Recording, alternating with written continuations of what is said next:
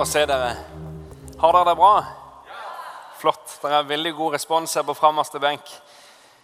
I dag har jeg tenkt at eh, Guds ord sier at vi som menigheten vi skal forkynne for åndsmaktene. Når byen her kanskje sier at ja, ekteskap det er dømt til å mislykkes, så vet vi at med Guds hjelp, at Guds ord sier at det skal lykkes. Det skal gå bra. Og Da reiser vi oss som menighet og så sier vi det til åndsmaktene.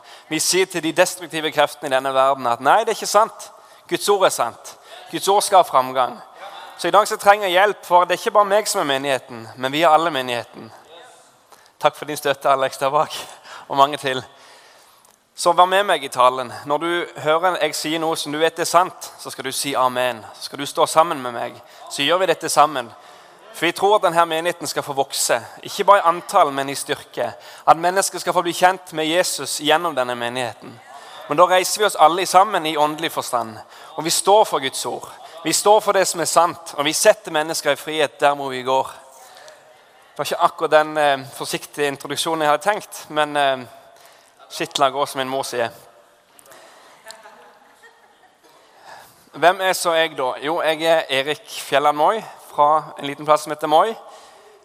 Får lov til å være med i det lokale lederteamet her i Jesus Church. Og Da hørte nyansen som jeg kanskje ikke alle fikk med seg, men jeg får lov til å være med. Jeg får lov til å bruke uendelig mange timer på å tjene det som skjer gjennom denne menigheten. Jeg må ikke. Det er ikke en, en vond oppgave, men noe, noe jeg får lov til å gjøre.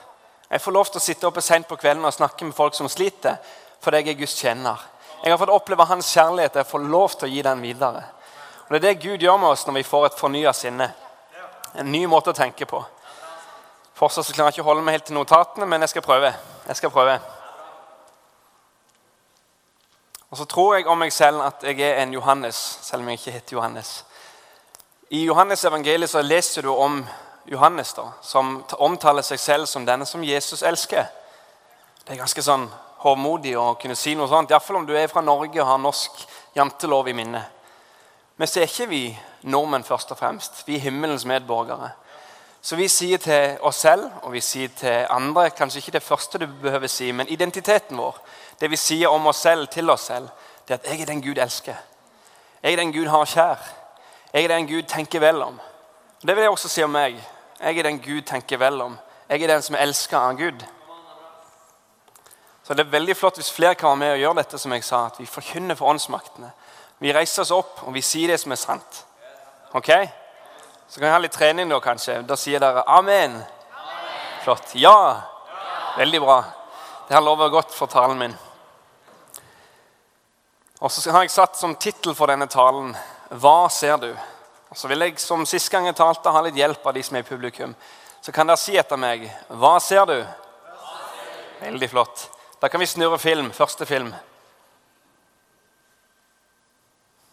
Det er ikke lyd på denne. Det var fra, der er et spesielt klipp litt lenger ut i filmen. Jeg tror det begynte litt for tidlig. Skal vi se ja, Jeg kan fortelle hva filmen går ut på. Der så kommer vi i øyeblikk til den scenen som jeg har tenkt å vise. Dette er en, en vanlig film.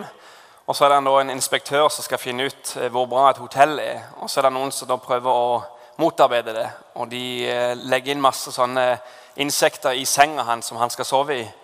Så kommer vi i øyeblikk til det jeg tror det er kanskje om et halvt minutt til.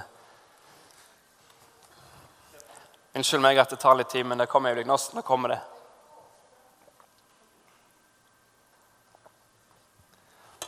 Og han er da en kontrollør som skal se på renheten i eh, hotellet og i sengene og alle mulige ting. Og det ser han er i gang med nå. Det ser ut som en fin seng, som er ren og fin. Ser iallfall sånn ut for det blotte øyet. Men så tar han på seg briller. Hva ser han så? Masse dyr.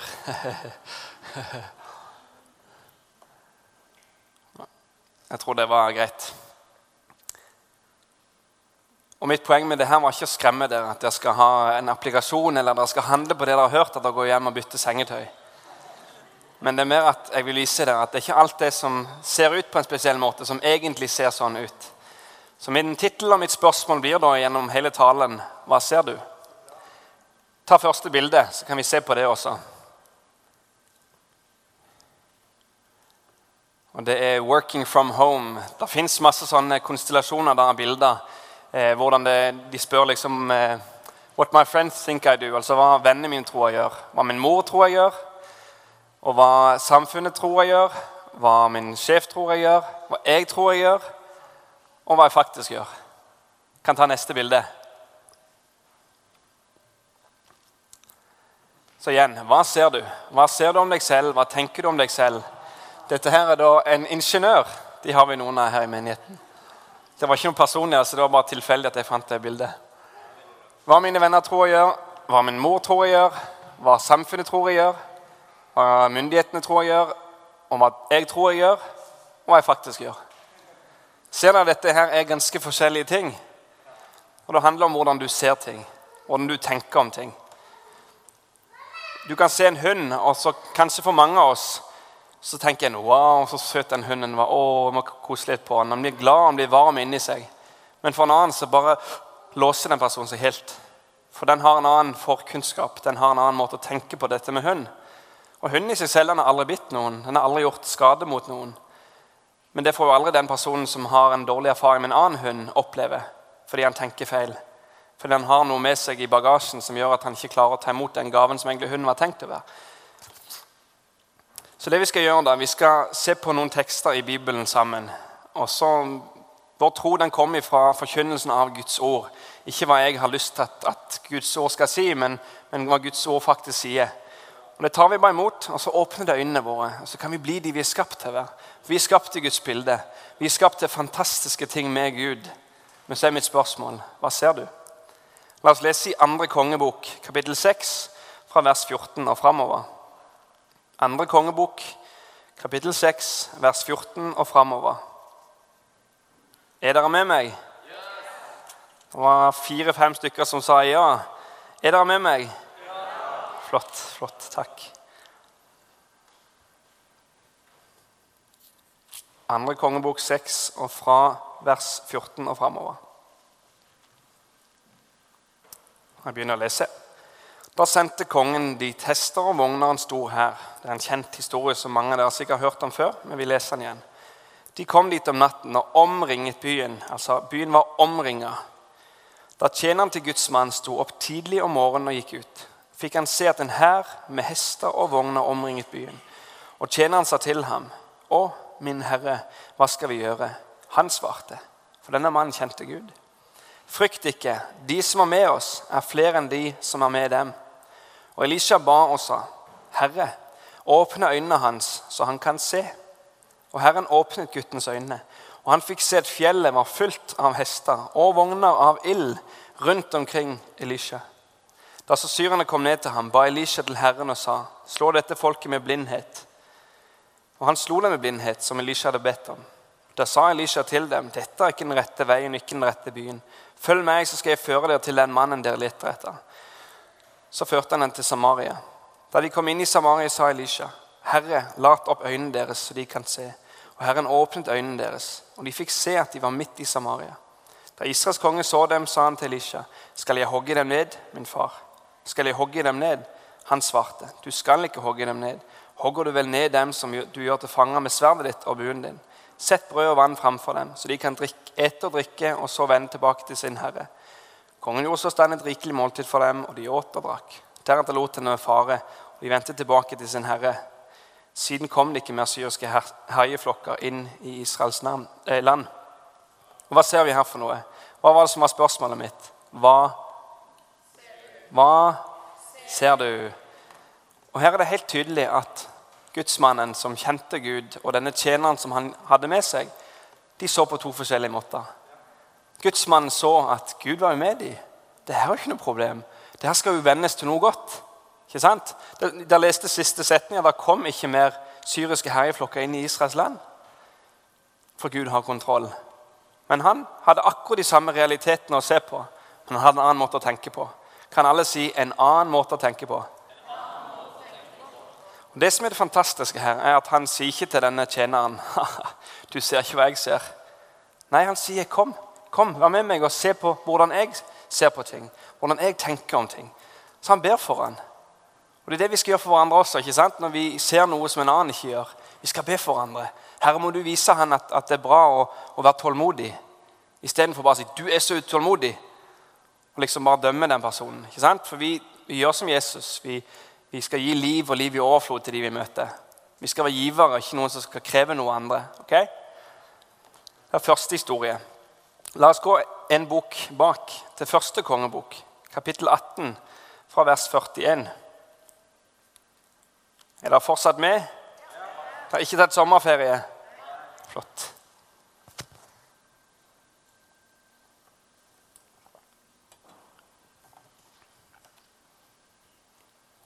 Og Der står det fra vers 41.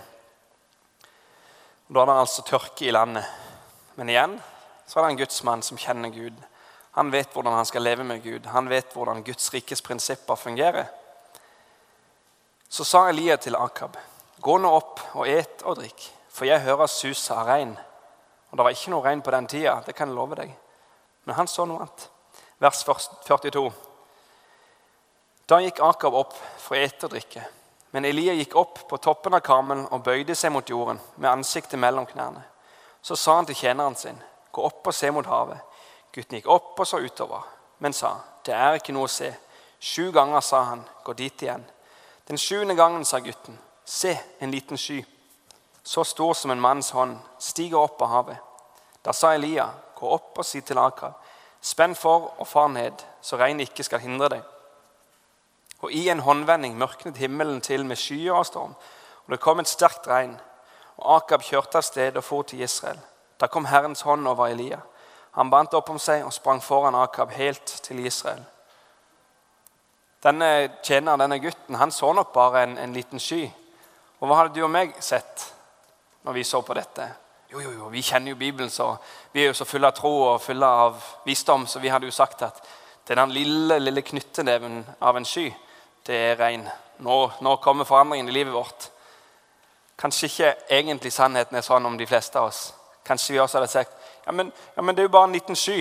Ja, men Hvordan kan det bety noe for meg? Ja, men, ja, men Er det her forandringen i livet mitt? Ja, men Det er så lite. Det er så ubetydelig. Men så gjelder det å kjenne Gud, sånn som disse gudsmennene vi har lest om, Elia og Elisha. De kjente Gud. De visste hvordan hans rike fungerte. De visste hvordan de skulle leve med han for å se at Guds rike skulle komme ned til denne jord og møte folk sine behov. At Gud skulle bli manifestert som konge, som kjærlig, som far. Han som ser alle sine behov. Men vi må spille på lag med Gud. Vi kan ikke spille med oss våre egne spilleregler. Så hva ser du? Han så noe annet, og så handla han på dette, og han lærte tjeneren sin å gjøre det samme. Når du ser denne knyttneven, da skal du gå og gjøre dette. Og Vi skal lære noe i dag, håper jeg. Og Vi skal søke Gud sammen, og vi skal få lov å se Guds rike. Ikke bare ja, hørt en fin tale, men at det blir en forandring i våre liv. At det blir en forandring i vår by. At vi, Guds rike kommer nærmere. At vi får se mer av tegn og under mirakler. At kjærligheten blant oss blir sterkere. At det her hatet vi har mot hverandre fordi vi sitter fast i måten vi tenker på. For vi ser noe som, som ikke Gud ser. Men vi ser noe i vårt ufornya sinn. At det skal forsvinne. At kjærligheten blant oss skal bli stor. At sjenerøsiteten blant oss skal bli stor. Vi skal åpne opp hjemmene for hverandre. Vi skal invitere hverandre hjem på middag. Vi skal, vi skal gjøre ting for hverandre fordi vi er brødre og søstre i Kristus. Amen. Bra. Tar seg opp. Lukas kapittel 5, vers 1-11. Kunne jeg fått opp eh, den skjermen der bak? Eller klokka? Nei. Lukas kapittel 5.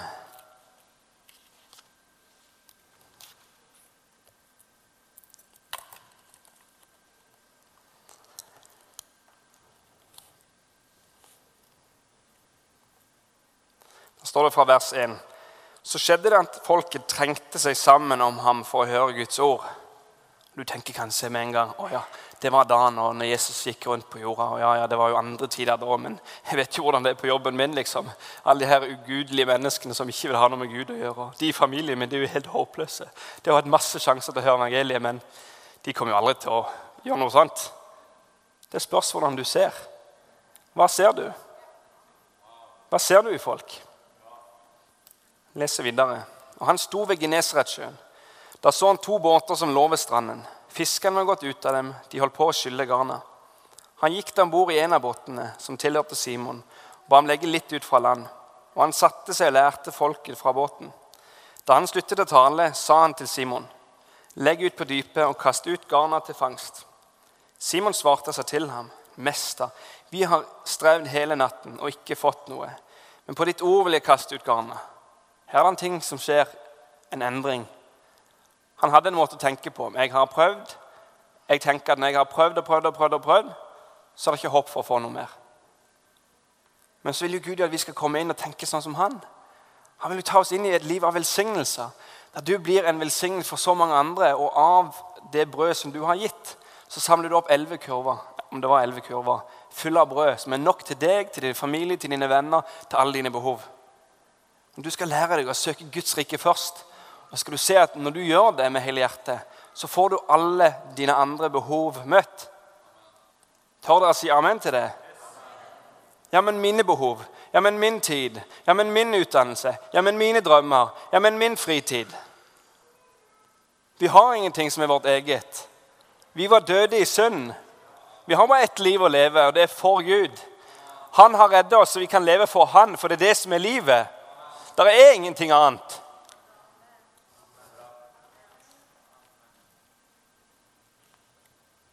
De gjorde så, vers 6. Og de fanget så mye fisk at garnet holdt på å revne. De vinket den til lagsbrødrene i andre båten at de skulle komme og ta i med dem. De kom, og de fylte begge båtene slik at de holdt på å synke. Men da Simon Peter så dette, falt han for Jesu knær og sa, 'Herre, gå fra meg, for jeg er en syndig mann.' For redsel kom over ham og alle dem som var sammen med ham, og fiskefangsten de hadde fått. Likedan var det med Sebedeus-sønnene Jakob og Johannes, som var i lag med Simon. Men Jesus sa til Simon, 'Frykt ikke, fra nå skal du fange mennesker.' De rodde der båten til lands, og de forlot alt og fulgte ham. Hva ser du? Hva ser du? Han kan ha gitt opp der først med, med fiskefangsten og aldri fått den. Hvis han hadde sagt nei, vet du hva, Jesus, nå har jeg prøvd så mange ganger at hvem er du liksom som sier her at, at du har bedre peiling enn meg? Jeg har prøvd alle disse gangene, og det har ikke funka. Men så valgte han å ta imot denne eh, formaningen eller rettledningen eller undervisningen. En retning, en innbydelse til å stole på noen andre enn deg sjøl. Og hva skjedde? Der kom en enorm fangst. Vi skal holde en finger der. Skal vi gå raskt til ordspråkene 3 og 5? Jeg har ikke beskjed om det bibelverset til skjerm, så, men det kommer kanskje opp allikevel. Ordspråkene 3 og 5 har et lite bibelvers jeg har lyst til å ta med meg, som jeg tror er veldig viktig. Og Hva står det der? Jo Sett din lit til Herren av hele ditt hjerte, og stol ikke på din egen forstand. Hva ser du? min egen forstand. Ja, jeg er så lur, jeg vet hvordan ting henger sammen. Ja, men jeg har jo rett til dette. Ja, men dette her er jo beste måten å gjøre det på. Er det det der står i Guds ord? Nei. Sett din lit til Herren av hele ditt hjerte, og stol ikke på din forstand. Det her betyr ikke at du skal bli gal, men det her betyr at du skal søke Herren. Han skal gjøre det tydelig for deg hva hans vilje er i store og små spørsmål. Og Når du går etter det, så kommer du til å være velsigna. Da kommer Gud til å være med deg. Da kommer ting til å skje. For Gud er god, han står ved sitt ord, han har kalt deg sitt barn. Og han vil lede deg med sin ånd. For han har gode planer for alle mennesker. Alltid. Han har ingen onde planer. Så når han ber deg om å selge noe som er dyrebart for deg, så er det ikke for å straffe deg, men det er for å hjelpe deg til frihet. Og vise at du er en velsignelse for andre, og det er det du er kalt til å være. Ikke en velsignelse for deg selv, først og fremst. Mange av dere trenger å vite det, at dere er ikke den menigheten her for å få og få og få. Dere er kanskje her for å bli en velsignelse for andre. Gud har kanskje sendt deg ut fra din familie, så du skal få tak på alle disse kornkamrene i Egypt, om vi tenker på historien om Josef. Sånn at En dag så kan du vende tilbake til din familie, full av velsignelse. Du kan gi ut når din familie er i tørke. Du kan være en brennende kristen når alle dine venner har gått bort fra Gud. Eller leve lunkne liv, i beste fall, om det er i beste fall. Du er ikke her for din egen skyld, først og fremst. Gud har kalt deg hit. For det han skal gjøre noe spesielt i denne byen. Kanskje litt vanskelig å få et amen på det, men jeg ber om det likevel. Amen. Vi, vi, vi skal ta opp et siste poeng fra Lukas 5. Hva står det der for noe? Jo, som veldig mange av oss har opplevd. Og igjen litt poeng. Hva ser du? For Peter så noe annet. vers 8, Lukas 5, 8. Men da Simon Peter så dette Han så noe, han så Guds herlighet, han så Guds inngripen. Og så gikk han i sine egne tanker, sitt eget ufornya sinne. Og så glad jeg er for at ikke Jesus sier ok, det er sånn du tenker. Ja, ja, men da går jeg bare her. Han sier meg imot. Han kommer med sine tanker, selv om ikke jeg har lyst til å høre. Så kommer han og sier ja, men det er sånn det er, min sønn. Jeg vil lede deg ut i frihet. Jeg vil du skal komme nærmere meg, se mer av min godhet, mer av min kjærlighet. Så du kan bli en velsignelse for de rundt deg. Så sier til og med Peter da, 'Herre, gå fra meg, for jeg er en syndig mann.' Men det er ikke sånn Gud ser på oss. Han ser på oss mennesker gjennom Jesus. Han ser på deg og så sier han, 'Oi, du er perfekt pga. det Jesus gjorde for deg.' Og Så tenker du ja men, ja, men jeg har gjort så mye dumt. og Det fins ingen utilgivelig synd for Gud. Han har kjøpt oss alle sammen, betalt prisen for å kunne være med oss. Ikke for å lede oss inn i slaveri eller trelldom i religion men for å gi oss liv og liv i overflod. Og Det er det som er sant. Så Jesus han sier noe annet. Hva sier han for noe? Vers 10, del 2. Men Jesus sa til Simon, 'Frykt ikke. Fra nå av skal du fange mennesker.' Gud, ja, men jeg er så syndig, jeg er så full av feil. Du kan ikke bruke meg. Gå bort fra meg. Frykt ikke. Jeg har store planer for deg. Jeg vil bruke deg. Jeg elsker deg. Jeg har planer for akkurat deg. Jeg ser ikke alle de andre, og det er ingen som er høyere eller lavere i Guds rike. Du er utvalgt i Kristus. Jeg har så mye godt for deg, min sønn. Kom, hør på meg. Endre måten din å tenke på. Fordi hva sier Romerbrevet 12? Følger med fortsatt, eller blir jeg litt for ivrig? Romerbrevet 12 og 2. Og Dette er et brev som nå mest sannsynlig er skrevet av Paulus. Jeg tror det er Paulus. Og hvem var denne Paulus? Jo, han var Saulus som drepte kristne. Hva ser du? Ser du Saulus som er et problem som du, du blir så redd for denne mannen, og du blir så sover dårlig, og, og det går ikke bra med deg på denne Saulus? Eller ser du apostelen Paulus? Ser du den som Gud har utvalgt for å vise hvor stor nåde han har mot mennesker? At han tar den mest skitne av de alle, som er minst verdig til å være en Jesu etterfølger. Og Så gjør han det om til at han blir den som gir Gud mest ære.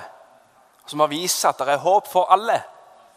Gud elsker alle. Gud elsker synderen. Gud er for mennesker. Gud har skapt mennesker. Han har betalt prisen for å kjøpe oss tilbake. Jesus kom Lukas 4, og så sier han at Herrens ånd er over meg. Han har salva meg for å forkynne et godt budskap. Det er et nådens år han forkynte fordi det er et nådens år. Og Hva var et nådens år? Jo, det var når slavene fikk fri, når gjeldsbrevene ble sletta, når, når, åkerlandet som var kanskje satt i gjeld hos noen andre, når gjelda ble nullstilt og du fikk tilbake landet ditt. For Grunnen til at vi er slaver, hvorfor vi er avhengige av ting, hvorfor vi lever i mørket, det er ikke Guds feil. Det er fordi vi er borte fra Gud. Fordi vi tenker og går våre egne veier. Vi tenker våre egne tanker istedenfor å søke Han. Men han kom for å forkynne gode nyheter. Han kom ikke for å dømme, men for å frelse. Og til han kom igjen, så har han ingen tanker i sitt hode om å dømme, fordømme folk. Så du som går og fordømmer deg selv, det er ikke Guds stemme du hører. For det fins ingen fordømmelse for den som er Kristus Jesus. Hørte jeg amen på det? Skal se hvor vi var. Romerbrevet 12 og vers 2.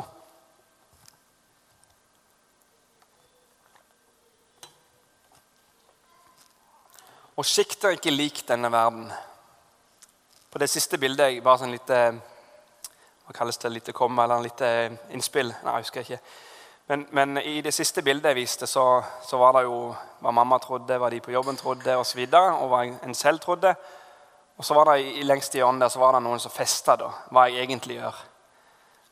Det fins jo masse kristne. De, de, har kanskje kristen kultur. De vet kanskje alt som er rett, men de lever liv ute i verden. Er det liv som behager Gud? Er, er, liksom, eh, er vår etterfølgelse av Jesus å være kulturelt riktig?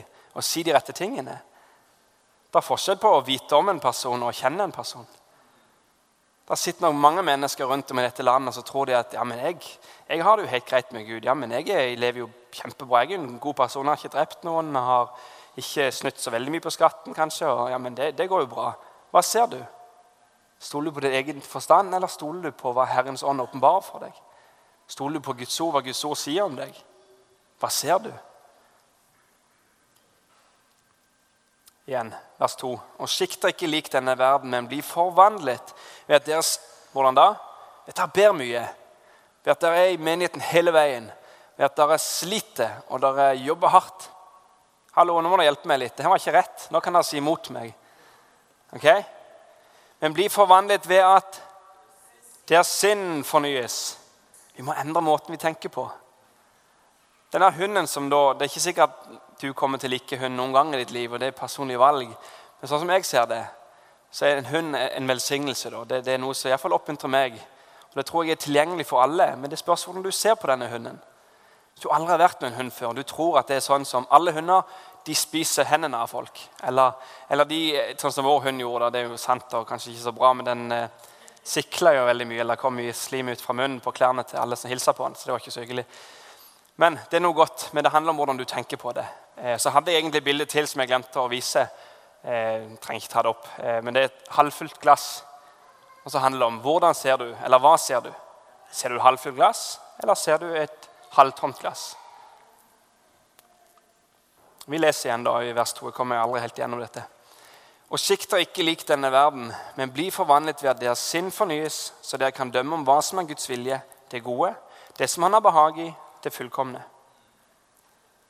Jesus ble i jeg tror det er Matteus 17, han ble, var på Forklarelsens berg. og Da var han skinnende hvit. Han var, han var, ikke bare et menneske lenger, men han var herliggjort. De kunne se at han var annerledes. Han var forvandla. De så han på en helt annen måte. Og Det er det samme ordet som er her forvandla. Gjennom at vi tenker annerledes. Ikke at vi bare ber mer. Jeg ser, og Beklager hvis noen tar det personlig, vi kan sikkert snakke om det etterpå, men det er sånn som jeg ser det akkurat nå masse bønnegrupper på Facebook. Å, kan du be for meg? Å, kan du be for meg? Kan du be for meg? Men det er ingen initiativ for å Men hva sier Guds ord? Hvordan kan jeg tenke rett? Og Sist jeg holdt tale, fortalte vi en liten gutt som hoppa ned og slo knærne sine og var blodig hele veien. Så sier ikke du bare ok, ja, men bare gjør det. Nei, Du hjelper han jo til å ikke hoppe fra den høyden lenger. Du hjelper han til å tenke annerledes. Det her er farlig for deg. Du må slutte å gjøre det. her. Det er ikke bra, for du kan knekke beinet ditt. Ikke bare ja, ja, men lek og gjør hva du vil. Altså ha deres sinne i fokus at det her er en svakhet. Og Det er det mange som ikke vet. og Det er en sånn stilig ting jeg skal dele med, med, dere. som jeg har fått lov å dele. En god venn av meg han, eh, han hadde en drøm. Jeg skal se om jeg har de notat, så ikke si det feil. Han hadde en drøm, og så sier han i denne drømmen da, For da ringer han jeg har lyst til at jeg skal snakke med han. Og så skriver han eh, når jeg ba han eh, gjenfortelle denne drømmen til meg, så jeg kunne bruke den talen. Så sier han jeg satt på første benk her i church, på høyre side i kirken. Så kom jeg da inn i, i, den drømmen, kom inn i kirka, og så sa jeg til han, du er naken. Og Jeg var ikke i den drømmen egentlig, så jeg har ingenting med det å gjøre. liksom. Det var bare Gud som talte til han gjennom eh, meg på en eller annen måte. Um, altså, Du kom inn i kirken og sa at jeg var naken. Jeg forsto fortsatt ikke at jeg var naken. Så så jeg meg selv, eller kom til meg selv, og jeg ble sjokka da jeg innså min nakenhet og kledde på meg umiddelbart. Og Hva var liksom applikasjonen på dette? Hva var det da vi snakket om? Hva var det vi kom, ut, eller kom fram til at dette betydde? Jo, vi har et ufornya sinne. Guds ånd bor i oss. Vi er født på ny. Her er liksom himmelen allerede til stede i vår ånd, i vårt hjerte. Men dette her må fornyes hver dag. Jesus sier i Matteus 4,4 at han lever ikke bare av brød, men av Guds ord. Det er det han trenger hver dag. ikke sant? Vi kan lese det raskt. Så du ser at det stemmer at det ikke er bare noe jeg finner på for å gjøre et poeng. Mennesket lever ikke av brød alene i Matteus 4,4, men av hvert ord som går ut av Guds munn. Vi trenger å bli ikledd hva Gud sier om oss. Vi trenger å få Guds tanker om oss. Ellers har vi blitt som Simon Peter, og så hadde vi jagt bort Jesus. Eller kanskje ikke sett den fiskefangsten da, av proporsjoner. Og, og Jeg snakker med denne vennen min da, som har hatt den drømmen. og så og så er det en ting da, som et problem som har oppstått. Og Han tenker hvordan kan, eh, kan de gjøre dette mot meg? Eh, og det er helt forferdelig hvordan de behandler meg. Men så går jeg gjennom bibelvers på bibelvers på bibelvers hva Bibelen sier for noe. For det er ikke hvordan vi tenker som er rett. Sett ikke din lit sånn som ordspråkene sier, til din forstand, men stol på Herren av hele ditt hjerte. Så sier jeg, men vet du hva? Alle har ting de sliter med. Ja, Men de vil ikke dette. Ja, men du, du må tåle urett. Du må lide med Kristus. Du har ikke bare fått del i hans seier på den måten, men du har også fått del i å, å gå gjennom lidelser. Der ting ikke er så lett for deg. Og Så sier han så ydmyk som han er, for han er en gudsmann. Gud har satt sitt seil på han, Gud skal bruke han. Så sier han, for han er sulten, han vil ikke bare tenke på sin egen måte, men han vil ha Jesus. Og det er en pris for å få mer av Jesus. Må du, du, må dø til deg selv. Du må legge ned ditt eget liv hver dag. Ta opp ditt kors og følge han. Så sier han til meg, 'Oi, det har ikke jeg sett.' Det har ikke jeg sett i Guds ord. Og Det samme skjedde bare et par uker senere. Så sier han om noe. Ja, men sånn tenker Gud, sånn tenker Gud. Så sier det er jo helt galt. Det sier ikke Guds ord i det hele tatt. Og så sier han, det har jeg ikke sett før. Det har jeg ikke sett før. Han forstår han er naken. Han forstår han trenger å få tak på hva Guds tanker er om han.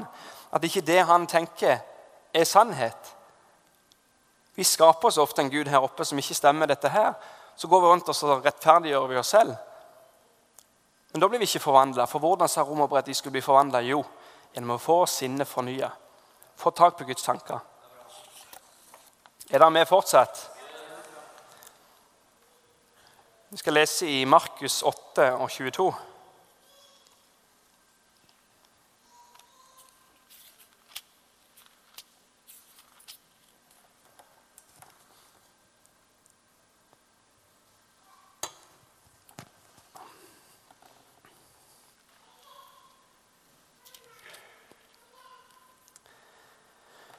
De kommer så til Betzaida, og de fører til ham en blind mann og ber ham røre ved ham. Han tok den blinde ved hånden og førte ham utenfor landsbyen. Han spyttet i øynene hans og la hendene på ham. Så spurte han, 'Ser du noe?' Han så opp og sa, 'Jeg ser mennesker, for jeg ser noe like som trær går omkring.' Så la Jesus hendene på øynene hans igjen. Da så mannen klart og var helbredet. Han kunne se alt tydelig. Og Han sendte ham hjem og sa, 'Du skal ikke gå inn i landsbyen og fortelle det til noen i landsbyen.' Så Han så noe første gang han ble helbreda, men det var bare delvis. Men han kunne ha sagt der Nei, du, jeg, jeg ser bra, Jesus. Jeg er, jeg er fornøyd. Jeg, jeg syns det her er greit nok. Ja, men, ja, men jeg, jeg, ser noe. Jeg så jo ingenting før, og jeg ser jo noe nå. Det er jo greit. Nei, han sa sannheten. Han turte å være ærlig om sin nakenhet. At jeg vet ikke, Gud. Jeg vil se perfekt. Jeg vil se dette. og Derfor kunne Jesus gjøre det, tror jeg. Det er sånn jeg forstår denne teksten. Så legger han hendene på han igjen, og så får han hele synet sitt igjen. Kanskje har du sett at Gud elsker deg, og du sitter der, du, du vet om at det er sant, men du klarer aldri å tro det når du er i vanskelige situasjoner. For det sitter her oppe, men du har aldri sagt 'Hjelp meg, Herre, jeg må forstå det mer'. Legg hendene på meg en gang til. Jeg må virkelig se at du elsker meg. Så når jeg er i de vanskelige situasjonene, jeg kjenner fordømmelse, at jeg klarer å reise meg opp og si 'Nei, men du har sagt, Herre'. Nei, men du er for meg, Herre. Der fins ingen fordømmelse. Du trenger kanskje trenge litt nærmere Gud. Etterpå så skal vi ha når jeg har tatt noen bibelvers til, og sånn, så skal vi ha litt tid i lovsang alle sammen. Der vi søker Gud. Der vi får lov å høre Den hellige ånds stemme. Og Gud skal betjene hver enkelt her. Om vi bare har lyst på mer av Han. Ja men, ja, men jeg har det jo ganske fint. Ja, men Jeg kommer jo på søndag, søndager i menigheten, og ja, men jeg har vært kristen hele livet. Og ja, men jeg har det jo egentlig ganske bra. Ja vel, men da får ikke du mer. Det er ikke fordi ikke Gud vil. Gud er den samme. Han forandrer seg aldri. Har samme planer. Ikke akkurat samme kall, men han har samme gode tanker for alle mennesker. Han vil ha liv og liv i overflod. Han vil vise deg kjær sin kjærlighet osv. Og så må han ærlig innrømme hva vil jeg egentlig ha. Hva vil jeg egentlig ha? Vil jeg forstå ting selv, eller vil jeg søke Gud og få hans forståelse på ting? Hva ser du?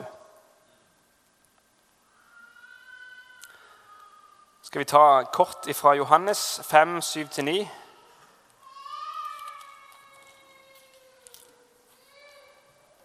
Det er en historie om, om en, eh, en lam mann som har ligget i 38 år. Skal vi lese bare fra vers 7 til og med 9. Den syke svarte ham, altså Jesus. Herre, jeg har ingen til å kaste meg ut i dammen når vannet blir opprørt. Og i det samme jeg kommer, stiger en annen ned for meg. Da sier Jesus til ham, stå opp, ta båren din og gå. Og straks ble mannen frisk. Han tok båren sin og gikk, men det var sabbat den dagen. Og så tror jeg mange ganger at Gud har lyst til å sette oss i fred. Han har så lyst til å gi oss så mye godt og forandre livene våre, så vi kan bli mer lik Han, så vi kan sove i ro og vi kan få lov å være en velsignelse for de rundt oss. Men så kan det være ja, men, ja, men, ja, men du vet, det har jo vært sånn i 38 år.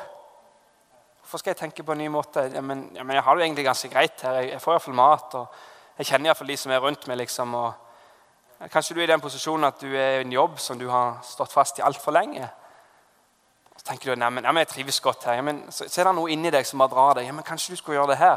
Kanskje du skulle reise da på bibelskole eller DTS? Eller kanskje du skulle gjøre en forandring i livet ditt? Så har du et valg. For Jeg tror Jesus kommer til å tale til mange i dag. Han sier her da, 'Stå opp, ta båren din og gå'. Så skjer jo denne forvandlingen. Hva ser du? Apostlenes gjerninger, kapittel 12, vers 6.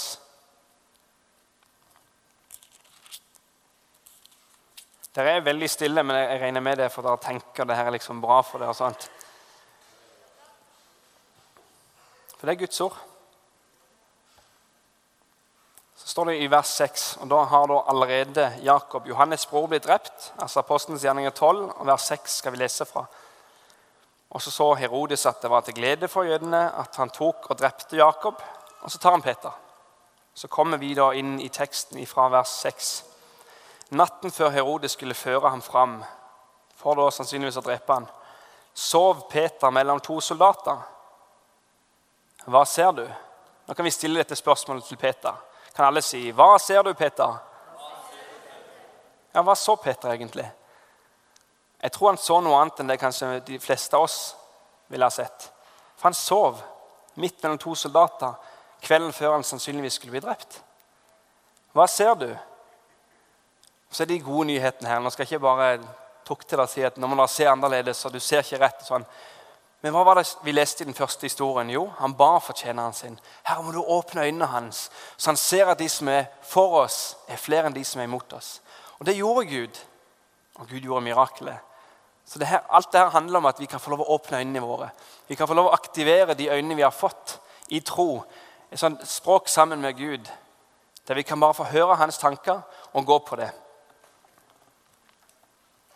Og hva skjedde jo i tillegg i denne historien? Jo, Gud greip inn. Gud er med deg akkurat der du er. Om du er på jobbsøken og du ikke finner jobb Gud er med deg. Gud skal hjelpe deg. Gud slipper deg aldri. Og det er Guds ord. Det er sannhet. Du skal ikke plage deg mer med at du er så syndig og du er det ene og det andre. Han sier det samme til deg som han sa til Peter. Frykt ikke. Kom og følg meg.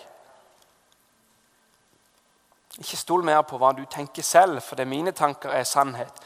Det er Jesus som er Guds ord, som er Guds store tanke.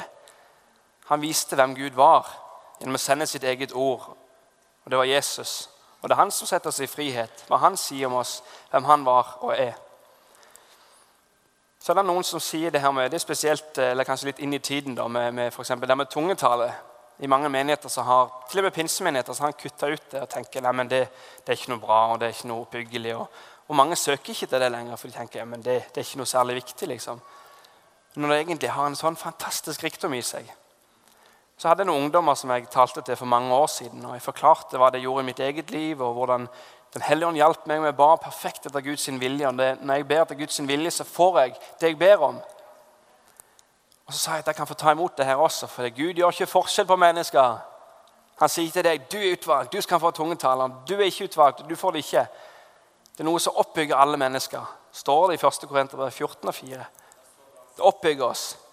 Så det er for alle. Men det, disse ungdommene, hva så de? Ja, han der predikanten han var litt uh, rar snakket om noe sånn rart greie. Nei, de så noe i Guds ord som var sant. Så de går hjem og så får beskjed på meldinga noen dager etter jeg har hatt det her møtet. Så sier de du, det var veldig rart når du snakket om det her greiene. Så gikk vi hjem og så ba vi. Så plutselig så fikk vi masse ord inni oss som vi aldri hadde hørt før. Og det de gjorde da, som jeg aldri har hørt om og tenkt på var mulig engang, det var at de skrev de ned alle sammen. Og Den ene personen fikk en hel haug med ord på italiensk og kunne ikke italiensk. Og når du da slår det inn i Google Translate Jeg tenkte jo ikke at det var mulig å gjøre det sånn. Men det tenkte de, for de tenkte på en annen måte. Igjen bra å tenke nytt. Og da får de ut en tydning som sier 'Jeg er din far' på italiensk. 'Vær ikke redd, jeg er med deg'. Og den andre ungdommen får det på polsk. Kan ikke dugg polsk. Involver deg i misjon umiddelbart. Uka etterpå så kommer der en innbydelse. Vil du være med på misjonstur? Da visste den personen at ja, der skal jeg gå. Hva ser du?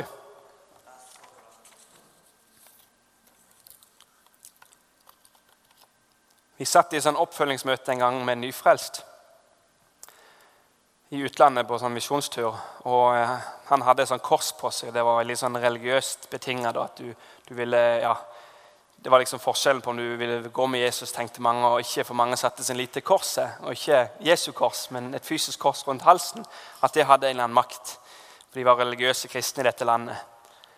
Um, og Så sitter vi og snakker med han, og han har på seg dette korset. Og, og min venn han, han, blir så sint på han, han nyfrelste og sier 'Hvorfor kan du gjøre noe sånt?' Så kunne jeg nesten ha spurt han, 'Hva ser du?' Jeg tror ikke vi så samme sak, for det var akkurat som bare Gud kom over meg når vi satt der. Og jeg fikk han så inderlig kjær. Jeg så noe annet. Jeg så Guds kjærlighet. Og Det gjorde at jeg kunne møte ham på en helt annen måte enn min venn. Hva ser han egentlig for noe? Jeg skal ikke si at jeg alltid ser sånn om alle mennesker, men det er det jeg strever etter. Det er det jeg har lyst til. Jeg er langt derifra fullkommen. Bare begynn å bli kjent med, skal du se hvor lite fullkommen jeg er. Men jeg strever etter det fullkomne. Jeg strever etter det jeg ser som Gud sier at vi skal gjøre.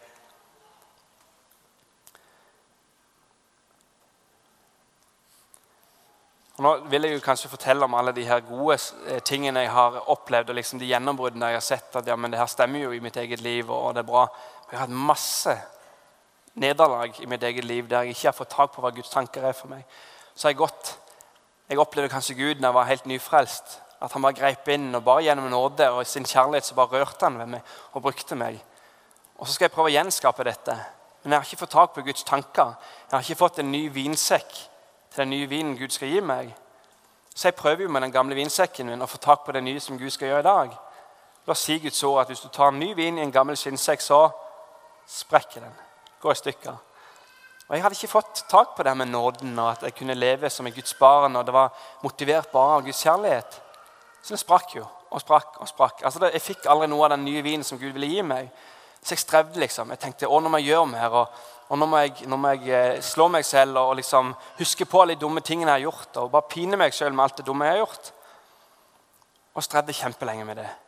Fram til jeg da fant ut at oi, romerbrevet det er veldig bra i forhold til Guds rettferdighet. og Galaterbrevet i forhold til det her med loviskhet og, og, sånt. Jeg bare mediterte på det. Jeg bare spiste det, for det Guds ord er mat for oss.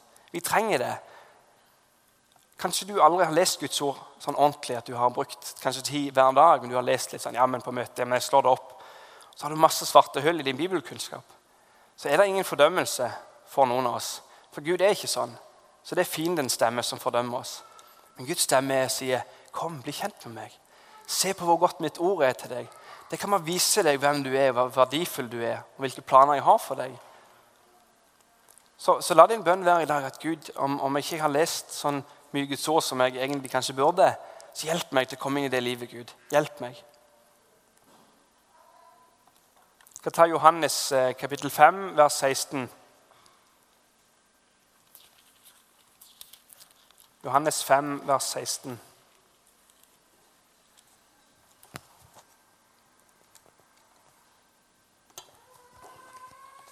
Følger dere med fortsatt? Går det greit? Takk. Alle som nikker, og er med. Der står det Skal vi se om det var 5 og 16 Det har jo en god tendens til å gjøre. Skal vi se og slå opp i feil bibelvers. Ehm, det er 6 og 16. Johannes 6 og 16 til og med 21. Men da det ble kveld, gikk disiplene hans ned til sjøen. De steg om bord i en båt for å sette over sjøen til Kapernaum. Det var alt blitt mørkt, og Jesus var ikke kommet til dem. Og sjøen gikk høyt, for det blåste en sterk vind. Da de hadde rodd omkring 25 eller 30 stadier, fikk de se Jesus komme gående på sjøen. Han kom ned til båten, og de ble redde. Men han sa til dem, 'Det er meg, frykt ikke.' De ville da ta ham opp i båten, og straks kom båten til landet de seilte til. Kanskje går du gjennom noe som kalles en storm, og så tenker du Hvorfor skjer dette? Og det er så fælt, og, og det er vondt. Men hva ser du egentlig? Hva Ser du Ser du en storm som er der for å drepe deg? Eller ser du en storm som skal sette deg i frihet? Som gjør at du blir tvungen til å se etter Jesus? Og Når du da tenker jeg skal ha han i båten min, så kommer du dit som Gud hadde tenkt at du skulle komme. Kanskje er den stormen som skjer i livet ditt nå, en bra ting for deg. Hva ser du? Gud er for deg. Han vil ikke lede deg ut i noe som ikke du tåler å stå i. Han kommer enten til å gi deg en utgang på det, eller så kommer han bare til å vise deg hva du har i deg sjøl allerede, som han har lagt ned i deg, som gjør at du kan gå gjennom det. Hva ser du? Er Gud for deg eller imot deg? Er det noe som kan skille deg fra Guds kjærlighet til Kristus Jesus? Ja eller nei? Hva ser du? Skal vi lese raskt i Apostlenes gjerninger 8? Bare et par eksempel til, og så er vi eh, i mål skal vi søke Gud sammen og skal vi bare høre hva Gud har å si til oss akkurat i dag. Apostelens gjerninger kapittel 8, vers 1-4. Og Saulus samtykte i mordet på ham. Samme dag brøt det løs en stor forfølgelse mot menigheten i Jerusalem. Hva ser du? Krise. Er det lov å være helt ærlig? Da kom et barn opp her, et søtt lite barn opp på scenen. og Jeg ble superstressa. Tenkte, hva skjer nå? skal det barnet springe rundt nå og få vekk fokuset mitt og få vekk alle sitt fokus. Men så tenker Gud litt annerledes enn oss. Ja, men dette går bra. Eva står framme og fanger barna opp, og det her går bra. Sant? Men jeg setter ikke min lit til min eget sinne, hvordan jeg tenker, men jeg setter min lit til Herren av hele mitt hjerte. I går var vi ute og evangeliserte og delte om Jesus. Og Det er noe jeg tror alle kristne Det er ikke en lovisk ting jeg legger på der nå, men heller noe som jeg tror Gud har for oss alle sammen. Gud har en velsignelse på det området Men at vi skal gå ut og dele til andre mennesker om hvem Jesus er. Så tenkte jeg på kvelden i går nei, men, ja, men jeg er litt sliten. Jeg har egentlig lyst til å, å slappe av litt. og ja, men gjøre litt sånn, og Jeg har jo denne tingen jeg burde gjøre. og Jeg burde jo forberede meg litt mer. og sånn, Si min, mitt forstand. Men så har jeg valgt jeg vil ikke sette min lit til min eget forstand. Men jeg vil sette min lit til Herren av hele hjertet. Og så kjenner jeg bare inni meg ja, men det kommer til å ordne seg. Erik. Du kommer til å få alle bitene til å falle på plass. Så det kommer til å gå bra. Jammen, jamen, jamen, jamen. Og så begynner vi å be før vi skal gå ut og evangelisere. Og så tenker jeg, oi, hvordan kommer det her til å gå? Oi, Tenk hvis de bare avviser oss. Tenk hvis de ikke har lyst til å snakke med oss. Alle mulige tanker som kommer opp. Og så kunne jeg ha stolt på det og blitt hjemme. Eller så kan jeg stole på det indre vitnesbyrdet. Det er Den hellige ånd taler til mitt hjerte. Og Det er alt jeg gjør. Og vi får en sånn kjempeflott samtale med to stykker fra Estland. Og For jeg tror det er fire-fem år siden så begynte Gud å tale til meg om Estonia jeg skrev det ned i journalen min. Jeg tenkte, hva betyr det her? Og I fire-fem år har jeg gått og bedt hva betyr det her, Gud? Og Nå hadde jeg glemt det bort. Og så I samtale med disse her to folkene, som er helt fantastisk, hvor jeg tror han ene begynner å grine når vi deler evangeliet med han, så bare sier han ja, men vi er fra Estland. Å ja, Estonia. Oi, Gud, du har dette planlagt, Gud. Du har kontrollen, Gud. Ikke sant? Og De tok imot det. Vi fikk dele evangeliet. Vi skal treffe det igjen. Hva ser du? Og Så leser vi videre. da. det er da altså en forfølgelse, og alle unntatt apostlene ble spredt utover bygdene i Judea Samaria. Men noen gudfryktige menn begravde Stefanus og holdt en stor vedklag over ham. Men Saulus herjet menigheten. Han trengte inn i hus etter hus og slepte ut både menn og kvinner og fikk dem kastet i fengsel. De som nå var blitt spredt, dro omkring og forkynte evangeliets ord. Hva ser du?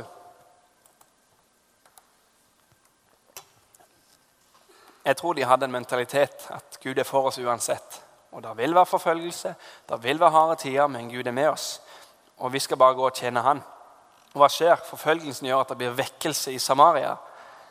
Kanskje du går hjem nå og du tenker hvorfor, hvorfor skjedde det til meg? Det har jeg tenkt sjøl. Bare for ærlig. Hvorfor skjer det med Gud? Kan du ikke bare la meg slippe? La meg få dø, Gud. Eller noe sånt. Og Så tenker en, hvorfor skjer det her? Men så står det det. Paulus sier det til korinterne i 2. Korinterbrev 1 vers 4 og framover.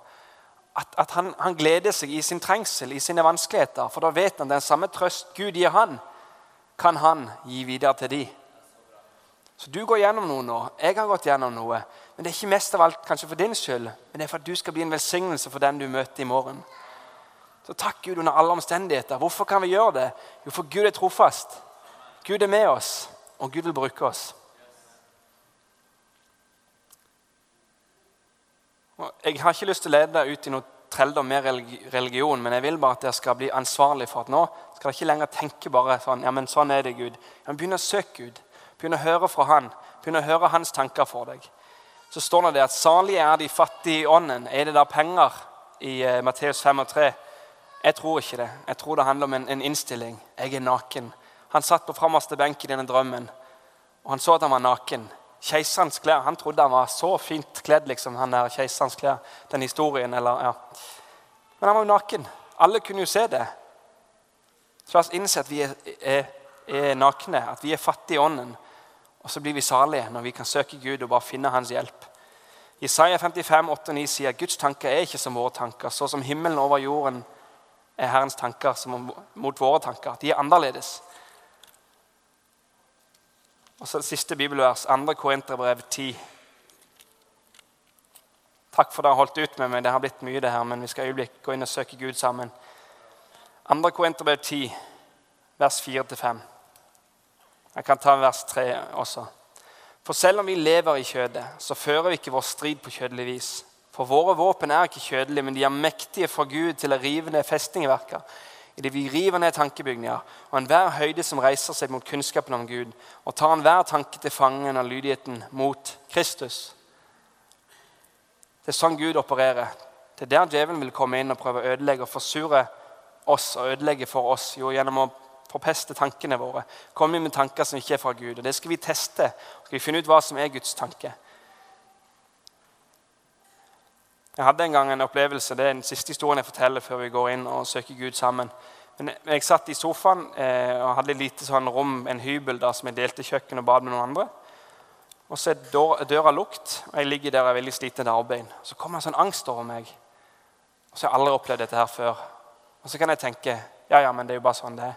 Ja, men eh, det er jo ikke noe å gjøre med det. Ja, men det, sånn er skjebnen. Noen ganger handler det om at han får en liten konsekvens, og så skjer det noe dumt med han. og Så. Eller så kan jeg tenke etter Guds ord at det er en strid om mitt liv, om alle menneskers liv. At det er en fiende som går rundt for å ødelegge. Når Gud er ute for å velsigne og frelse og sette mennesker i frihet, så er det en som er ute for å ødelegge. Så jeg roper til Gud hva er det her for noe? For jeg fikk lyst i, kvart, i løpet av et kvarter å dø. Jeg tenkte, hva er det som skjer? Hva ser jeg? Ja, ja. Nei, ja, sånn er det bare.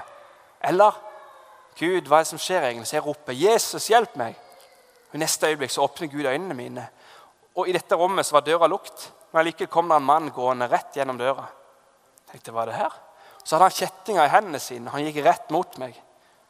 Jeg tenkte, hva er det her for noe? Men så forsto jeg. Gud har åpna mine åndelige øyne. Nå kan jeg se sånn som er sannhet. Så jeg reiser meg opp og jeg begynner å tale i tunge. Jeg visste ikke hvordan jeg skulle be, men Den hellige ånd hjelper meg å be. Så ber jeg i tunga, og så forsvinner denne mannen som kom mot meg med kjettinger. som var noe bare et bilde Gud viste meg på at det er en demon som kommer mot deg, som gir deg angst.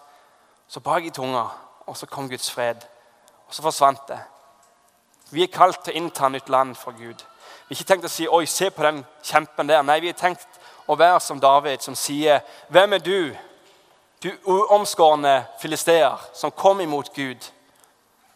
Du kalte meg en velsignelse for deg sjøl, for din familie og for hele denne byen. I Jesu navn. Så Hvis lovsangene kan komme opp Så står det da i Isaiah 40 Jeg kan lese det for dere mens de kommer opp, faktisk. Det står det Han gir den trette kraft, og den som ingen krefter har, gir han stor styrke. Gutter blir trette og utmattede, unge menn snubler. Men de som venter på Herren, får ny kraft. De løfter vingene som ørner. De løper og blir ikke utmattet. De går og blir ikke trette. Ja, Men Gud, gi meg det. Ok, men søk meg, da. Ja, men hør på meg, da. La meg få lov å være med og fornye sinnet ditt, da. Nå vil jeg at vi skal ta minimum fem minutter der vi er i lovsang, og hver enkelt søker Gud.